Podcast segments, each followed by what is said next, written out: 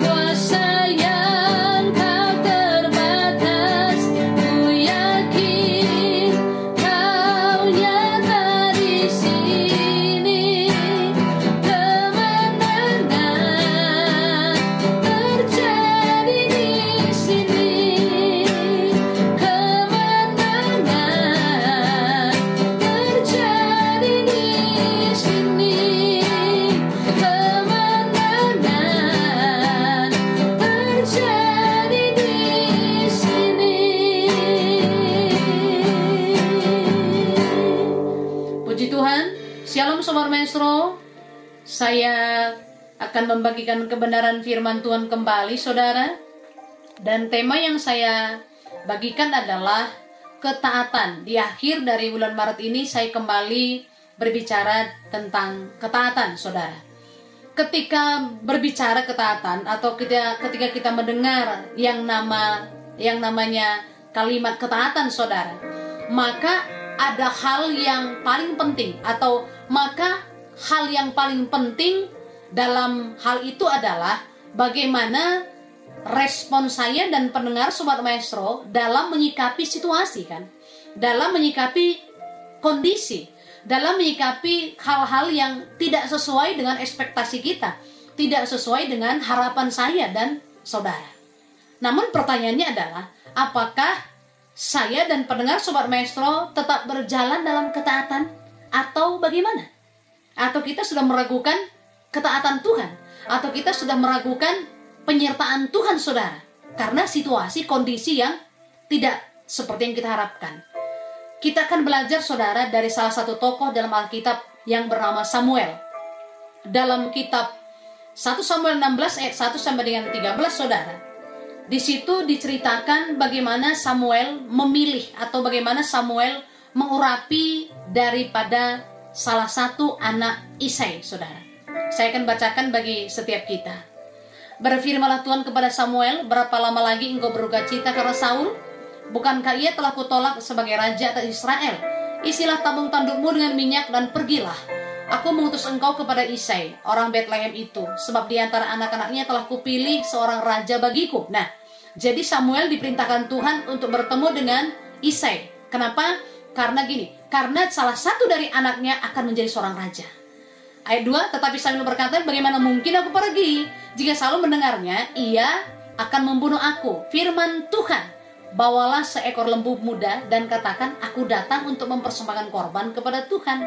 Kemudian, undanglah Isai ke upacara pengorbanan itu. Lalu aku akan memberitahukan kepadamu apa yang harus kau perbuat. Urapilah bagiku orang yang akan kusebut kepadamu Samuel berbuat seperti yang difirmankan Tuhan dan tiba lagi di kota Bethlehem. Para tua-tua di kota itu datang mendapatkannya dengan gemetar dan berkata, Adakah kedatanganmu ini membawa selamat? Jawabnya, ya benar. Aku datang untuk mempersembahkan korban kepada Tuhan. Kuduskalah dirimu dan datanglah dengan daku ke upacara pengorbanan ini. Kemudian ia menguduskan Isai dan anak-anaknya yang laki-laki dan mengundang mereka ke upacara pengorbanan itu. Ketika mereka itu masuk dan Samuel melihat Eliab, lalu pikirnya, Sungguh, di hadapan Tuhan sekarang berdiri yang diurapinya. Tetapi berfirmanlah Tuhan kepada Samuel, Janganlah pandang parasnya atau perawakan yang tinggi, sebab aku telah menolaknya. Bukan yang dilihat manusia, yang dilihat Allah. Manusia melihat apa yang di depan mata. tetapi Tuhan melihat hati. Lalu Isai memanggil Aminadab dan menyuruhnya lewat di depan Samuel. Tetapi Samuel berkata, orang ini pun tidak dipilih Tuhan. Kemudian Isai menyuruh Syama lewat, tetapi Samuel berkata, orang ini pun tidak dipilih Tuhan. Demikianlah Isai menyuruh ketujuh anaknya lewat dan di depan Samuel, tetapi Samuel berkata kepada Isai, semuanya ini tidak dipilih Tuhan. Lalu Samuel berkata kepada Isai, inikah anakmu semuanya? Jawabnya, masih tinggal yang bungsu. Tetapi sedang menggembalakan kambing domba. Kata Samuel kepada Isai, suruhlah memanggil dia, sebab kita tidak akan duduk makan sebelum ia datang kemari. Kemudian disuruhnya lah menjemput dia. Ia kemerah-merahan, matanya indah dan parasnya elok. Lalu Tuhan berfirman, bangkitlah, urapilah dia, sebab inilah dia. Samuel mengambil tab tabung tanduk yang berisi minyak itu dan murapi Daud di, di tengah-tengah saudara-saudaranya. Sejak hari itu dan seterusnya berpuasalah Tuhan atas Daud, lalu berangkatlah Samuel menuju Rama. Demikianlah firman Tuhan, berbahagialah setiap saya dan pendengar sobat maestro di mana pun berada, yang melakukan firman Tuhan terlebih lagi yang mendengar firman Tuhan terlebih lagi melakukannya, saudara. Kita percaya bahwa Roh Kudus akan memampukan saya dan sobat maestro untuk melakukan firman Tuhan. Saudaraku, dalam 1 Samuel 16 ayat 1 sampai dengan 13 ini, saudara, ini melatar belakangi pergantian seorang pemimpin Israel kan, yaitu dari Saul kepada Daud. Dari Saul berpindah kepada Daud dengan perantaran Samuel sebagai nabi pada waktu itu, sebagai pelihat sebagai perpanjang lidah Tuhan pada waktu itu. Sekalipun Saul telah ditolak Tuhan menjadi raja atas bangsa Israel, yang menariknya saudara, namun Saul tetap menjadi raja sampai seumur hidupnya kan. Daud itu tidak memiliki spirit atau Daud itu tidak memiliki uh, apa namanya ya keinginan untuk melakukan kudeta terhadap Saul. Kan saya bisa di, saya udah diurapi ya sudah. Kalau begitu uh, saya dong yang pegang jabatan ini, saya dong menjadi raja. Nah, Daud itu nggak memiliki spirit seperti itu. Bahkan saudaraku, kalau kita lihat sebaliknya yang terjadi, ia segan atau hormat kepada Saul. Ketika Saul mati, apa yang dilakukannya? Daud sangat sedih. Dan Daud sangat berduka. Daud sangat berkabung, saudara. Nah, melalui pembahasan ini, saudara, melalui 1 Samuel 16 ayat 1 sampai dengan 13, saudara. Coba kita lihat ayat yang pertama tadi Berfirmanlah Tuhan. Ingat, betapa hebatnya Samuel untuk mendengar firman Tuhan. Berfirmanlah Tuhan. Dia memiliki seorang apa ya? Dia memiliki telinga yang begitu tajam untuk mendengar suara Tuhan. Ayat 7, tetapi berfirmanlah Tuhan kepada Samuel. Jadi setiap firman yang diberitakan oleh Tuhan kepada Samuel dalam hal pemilihan, dalam hal mengurapi anak Isai ini saudara, itu begitu tajam sekali. Tidak ada yang salah, tidak ada yang miss. Dia ketika dia bilang, oh ini berarti Tuhan bilang bukan. Nah dia nggak melakukannya. Bagaimana dengan kita? Apakah kita hari-hari ini hanya suka melihat mereka yang hebat-hebat saja? Atau bagaimana saudara?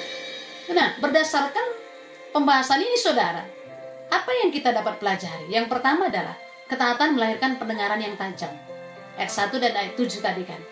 Dalam Yesaya 50 ayat 4b berkata begini.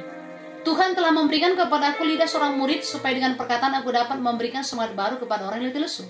Jadi pakailah telinga kita untuk mendengar suara Tuhan sebagai murid Tuhan, sebagai dutanya Tuhan, saudara, untuk memberikan semangat yang baru kepada mereka yang letih lesu.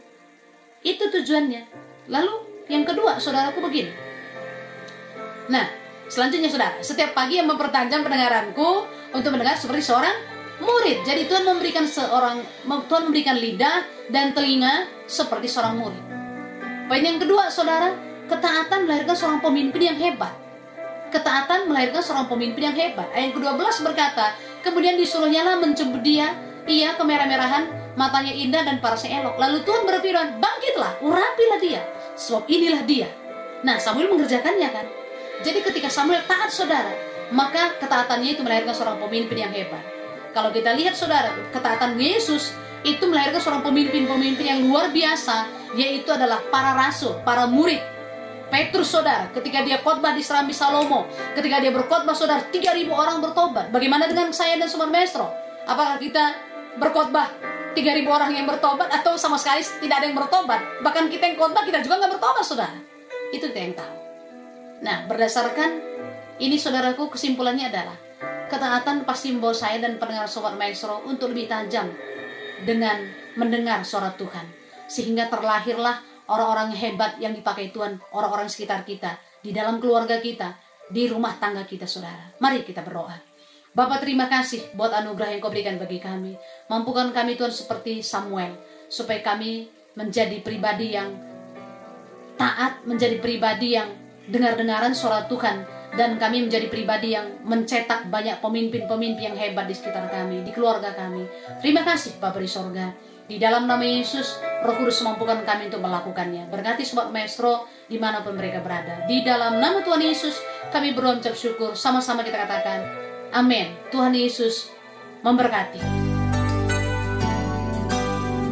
Sobat Maestro, Anda baru saja mendengarkan renungan firman Tuhan bersama Ibu Evangelis Sayang Tarigan MTH. Terima kasih atas perhatian dan kebersamaan Anda. Tuhan Yesus memberkati.